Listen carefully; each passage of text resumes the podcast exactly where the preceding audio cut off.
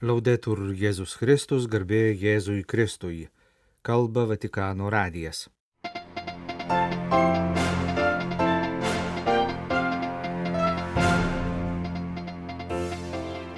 Trečiadienio visų šventųjų iškilmės dienos vidudienį popiežius kalbėjo apie šventumą kaip dovaną ir kelionę.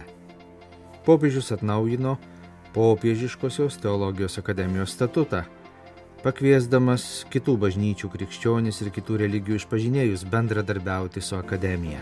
Šioje laidoje kalbėsime apie misionierę Neringą, kuri tarnauja ekumeniniuose maldos namuose Vokietijoje, apie neįprastą jos misionierystės formą ir apie maldą už spalio mėnesį vykusį biskupų sinodą. Trečiadienį visų šventųjų iškilmės dieną, kaip kiekvieną šventadienį Šventojo Petro aikštėje įvyko popiežiaus vadovaujamas vidudienio maldos susitikimas. Šią progą Pranciškus pakvietė pamastyti apie šventumą dviem aspektais - šventumą kaip dovaną ir šventumą kaip kelią. La santità è un dono di Dio che abbiamo ricevuto col battesimo. Se lo lasciamo crescere, può cambiare completamente la nostra vita. Šventumas yra Dievo dovana, kurią gavome per krikštą, sakė Pranciškus. Jei leidžiame jai aukti, ji gali visiškai pakeisti mūsų gyvenimą, nušviesdama į Evangelijos džiaugsmu. Todėl ir šventieji yra ne nepasiekiami ar tolimi didvyriai, bet tokie pat žmonės kaip mes, mūsų draugai, kurių išeities taškas yra ta pati dovana, kurią ir mes esame gavę. Pasak popiežiaus, visi ir ne vieną kartą esame sutikę šventųjų. Gerų, dosnių žmonių, kurie Dievo padedami, gyveno pagal gautą dovaną ir leido, kad juos diena iš dienos veiktų šventoji dvasia. La santità è un dono offerto a tutti per una vita felice. Šventumas yra dovana suteikiama visiems kad visi galėtų laimingai gyventi. O kai gauname dovaną, kokia būna pirmoji mūsų reakcija? Esame laimingi, nes tai reiškia, jog kažkas mus myli. Esame palaiminti, kaip tie, apie kuriuos Jėzus kalba šiandienės iškilmės Evangelijoje. Tačiau dovana tęsi Pranciškus reikalauja ir mūsų atsakomybės. Dovaną reikia priimti ir jos neišvaistyti. Vatikano antrasis susirinkimas tai primena teikdamas, kad visi pakrikštytieji yra gavę kvietimą savo gyvenime išlaikyti ir ugdyti gautą šventumą. Štai kodėl šventumas tai ir kelionė, kurioje dalyvaujame visi kartu, vieni kitiems padėdami, vienydamiesi su visais šventaisiais. Sono i nostri fratelli, le nostre sorelle maggiori, su cui possiamo contare sempre Šventieji yra mūsų vyresnėji broliai ir seserys, kuriais visada galime pasikliauti. Jie mus palaiko, jie yra nuoširdus draugai, kuriais galime pasitikėti, nes jie trokšta mums gero, nebado į mus pirštais ir niekada mūsų neišduoda. Jų gyvenimai yra mums pavyzdys, jų malda - pagalba. Kartu su jais sudarome didelę keliaujančią šeimą - bažnyčią. Šventumas yra dovana ir kelionė, tad galime savęs klausti, ar prisimenu, kad esu gavęs šventosios dvasios dovaną, kuri kviečia mane į šventumą ir padeda jį pasiekti. Ar dėkoju jai už tai? Ar jaučiu šalia savęs šventuosius? Ar kreipiuosi į juos? Marija, visų šventųjų karalienė, te padeda mums pajusti dovanos džiaugsmą ir te padidina mumise amžinojo tikslo troškimą. Malda baigė popiežius Pranciškus. Benedicat vos, omnipotens Deus, Pater et Filius et Spiritus Sanctus. Amen. Amen. Po viešpaties angelo Pranciškus paminėjo lapkričio antrąją minimą mirusiųjų atminimo dieną - vėlinės. Popiežius šią dieną aukoja mišes Britų tautų sandraugos karių žuvusių per antrąjį pasaulinį karą kapinėse Romoje. E continuiamo a pregare per le popolazioni che soffrono a causa delle guerre di oggi, Non dimentichiamo la martoriata Ucraina. Toliau melskimės už žmonės kenčiančius nuo šių dienų karų. Nepamirškime kenčiančios Ukrainos, nepamirškime Palestinos, nepamirškime Izraelio, nepamirškime kitų regionų, kur vyksta karai, prašė popiežius.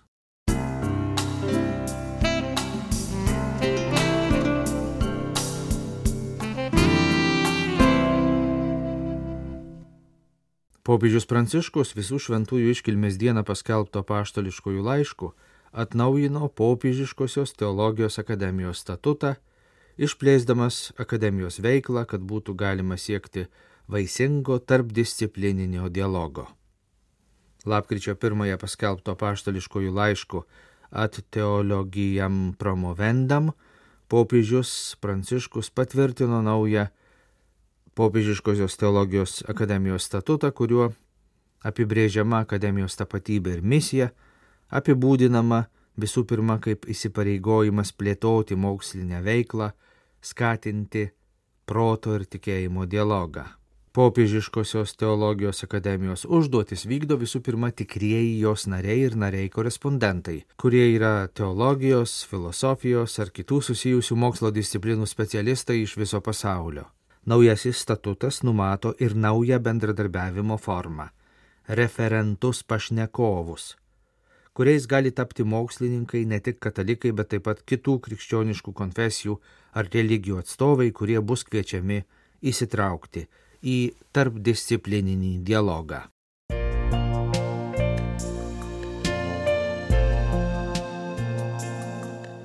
Jūs klausotės Vatikano radio. Tęsėme žinių laidą lietuvių kalba.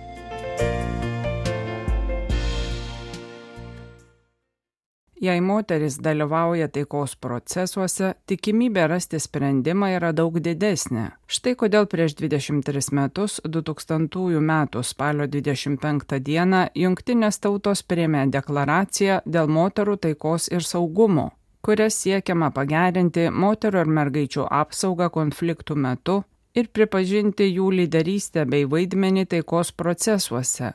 Šiandien jungtinės tautos skelbia, kad daugiau nei 600 milijonų moterų gyvena konfliktų paveiktose šalyse ir kad pasaulis susiduria su precedento neturinčiomis žmonių kančiomis, kurios moteriams daro siaubingą poveikį. Todėl jų vaidmuo užkertant kelią konfliktams ir palaikant taiką dar niekada nebuvo toks svarbus.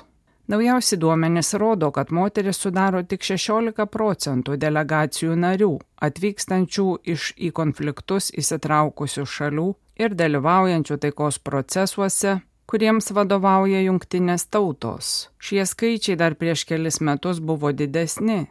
2021 metais tai buvo 19 procentų, 2020 metais 23 procentai. Mums reikia paradigmos poslinkio, kuris atneštų tikrą lygybę. Demokratija reikalauja vienodo moterų dalyvavimo visuose jos procesuose, tvirtina Junktinių tautų organizacija. Ir nors moterų vadovaujančiose pareigose pastaraisiais metais palyginti su ankstesniu dešimtmečiu daugėjo, skaičiai vis dar per maži, kad būtų pasiekta lygybė. Siekiant užtikrinti pažangą, pagrindiniu veiksniu išlieka mąstymo keitimas ir senų stereotipų griovimas. Pavyzdžiui, nesenai atlikta Junktinių tautų organizacijos apklausa parodė, kad 58 procentai jaunų žmonių nuo 16 iki 19 metų mano, kad vyrai yra geresni politiniai lyderiai nei moteris. Sima Bahus, Junktinių tautų lyčių lygybės ir moterų įgalinimo organizacijos vykdomoji direktorė atkreipė dėmesį, kad jei beveik kas ketvirtas jaunuolis mano, kad yra situacijų, kai pateisinama pakelti ranką prieš partnerę ar sutoktinę, kaip galime padaryti galą smurtui prieš moteris.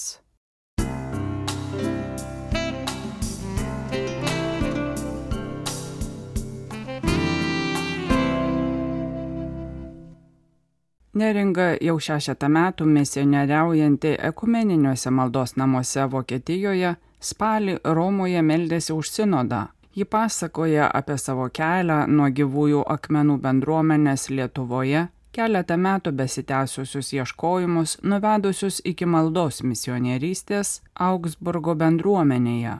Esu atsivertusi, atgimusi dvasioje jau virš 20 metų ir man tikrai neužtenka tik sekmadienio mišių.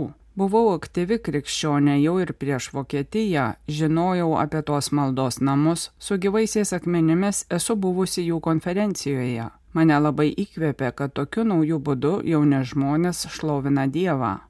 Taip neringa pasakoja apie ekumeninius maldos namus, kurių idėja atėjusi iš Amerikos. Ten, o ir visame pasaulyje yra panašiai veikiantys maldos namai, kurių tikslas šlovinti Dievą 24 valandas per parą, 7 dienas per savaitę. Namų įkūrėjas teologijos mokslų daktaras Johannesas Hartlis, įkveptas Kanzase esančių maldos namų, grįžo į Vokietiją ir 2007 metais ėmė burti maldos misionierius. Šiuo metu mes jau 12 metų e, gyvuojam dieną naktį, tai yra kaip McDonald's 24 kart 7, šlovinam Dievą, keturios pamainos. Kaip neringa atsidūrė maldos namuose.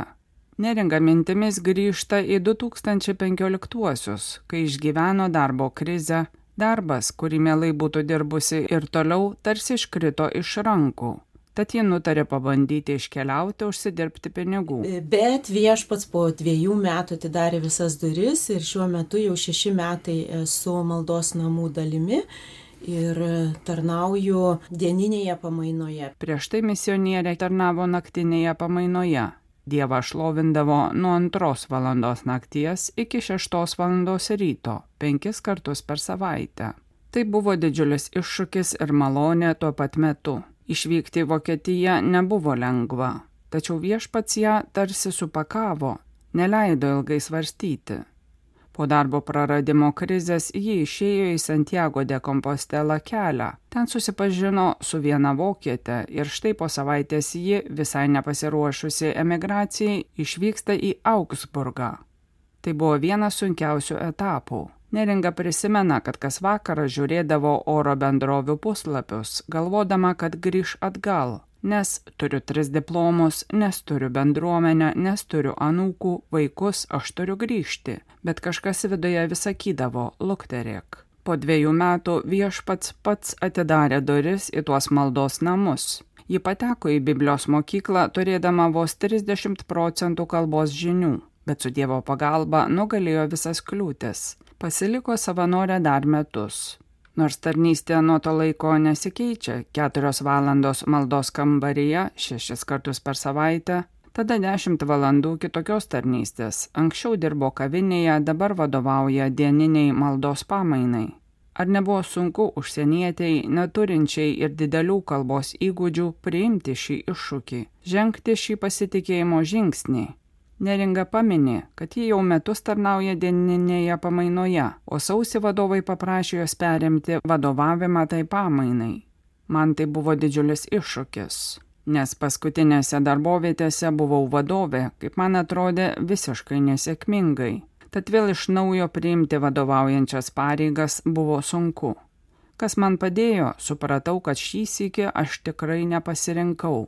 Viešpats šį kartą manim tikrai pasitikė Aišku, vadovauti tai yra viena vertus būti pasiruošus nusižeminti, kaip popiežius plauti savo tarnystės draugams kojams, kita vertus sakyti tai, kas tobulintina ir su meile bandyti ugdyti žmonės tą kryptimi, kur viešpats nori, kad mes eitume kad kiekvienas žmogus atrastų, kam jis pašauktas, nes pašaukimo klausimas svarbiausias Kai esu savo vietoje, man nereikia pavydėti, dairytis, lygintis, žinau, kad esu savo vietoje. Mano kaip vadovės tikslas vizija yra padėti komandos draugams, dešimčiai žmonių, atrasti tą kelią, kurį kiekvienam viešpats yra paruošęs. Pasakoja Neringa. Pirmasis maldos namų tikslas - šlovinti Dievą, o būnant viešpatės akivaizdoje kyla ir užtarimo malda ir kitų iniciatyvų Pavyzdžiui, maldos namuose įsikūręs viešbutukas, kur gali apsistoti piligrimai. Ar mer konferencija apjungianti 12 tūkstančių žmonių, kur ir lietuvio nemažai yra dalyvavę. Malda yra struktūruota. Vieni groja instrumentais, kiti meldžiasi. Pamaina meldžiasi 6 valandas per parą. 2 valandos ramaus šlovinimo, 2 valandos užtarimo malda, tada maldos vadovas pasirenka temą Pavyzdžiui, melstis už sinodą vyskupus ir vyksta toks intensyvus mūšis. Paskui dvi valandos ramesnė dalis - buvimas Dievo akivaizdoje. Aktyviam žmogui kaip neringa eiti į viešpaties akivaizdą ir būti joje valandą laiko, pasitikėti, kad tai jos tarnystė, už kurią ji gauna atlygį, nėra lengva. Jėzaus toks šlifavimas, šlifavimas tikrai būti tą Mariją iš Betanijos klausančią Jėzaus visus buvimu. Kokiu principu veikia šis maldos centras? Misionieriai išgyvena tik iš aukų. Kiekvienas misionierius yra įpareigotas kurti savo partnerių ratą. Tai yra kviesti žmonės, kurie juos remtų finansiškai. Tuomet teikti jiems informaciją, melstis ir kurti bendrystę. Būtent dėl kitų žmonių dosnumo mūsų tarnystė yra galima. Tai tarsi lygia vertė partnerystė, nes ne kiekvienas yra pašauktas keturias valandas melstis, tačiau kartu mes kūrėme dangaus karalystę jau čia žemėje. Mes esame įdarbinti maldos namuose ir sumokame visus mokesčius.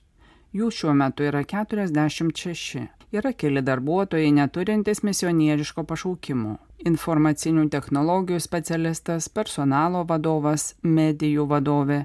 Yra daug savanorių, studentų. Nuo spalio prasidėjo Biblijos mokykla skirta įvairaus amžiaus žmonėms.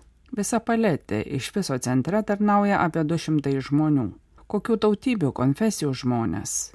Aš esu viena lietuvė, Daugiausia vokiečiai arba iš vokiškai kalbančių šalių - šveicarai, austrai, buvo korejietė, yra viena iš Serbijos kilusi mergina, vardė Neringa.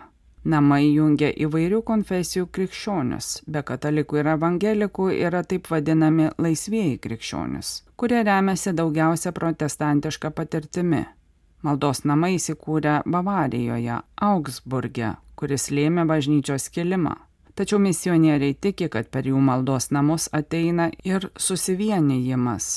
Mūsų pašaukimas taip pat yra neieškoti to, kas mus skiria, bet koncentruotis į tai, kas mus jungia, o tai yra žymiai daugiau, sako Neringa. Taip viskas susiklostė, kad Neringa lankėsi Romoje vykstant sinodui. Mintis nuvykti į Romą jai jau kurį laiką nedavė ramybės, nors finansinės galimybės buvo ribotos. Ji negali atsižavėti ženklais, kuriuose viešpats rodė, kad ji išvyktų į Romą. Visų pirma, šveicarų gvardietis, parašęs į maldos namus, kad gali priimti žmonės, kurie norėtų apsilankyti Vatikane. Darbininkas vertas savo užmokesčio ir nuolankiai priėmiau tą dovaną, nes būtent tas šveicarų gvardėtis parašė mums į maldos namus, kad jisai gali priimti žmonės, kurie norėtų aplankyti Vatikaną, aprodyti, nes jo nuomonė tai, ką mes darom, yra didelis dalykas. Jis aprodė neringai visus Vatikano kampelius, kur paprastai nepateksi. Vokietija nėra pati katalikiškiausia šalis, tad tas šveicarų gvardietis jai buvo tarsi stebuklas, nutikęs tuo metu, kai vyksta sinodas. Tai jai tapo paskata melstis už vyskupus, Lietuvos, Vokietijos vyskupus, kad viešpats atvertų jų širdis giliau pažinti Dievą.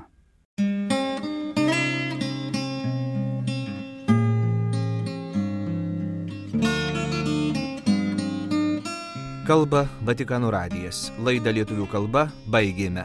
Garbėjai Jėzui Kristui, laudetur Jėzus Kristus.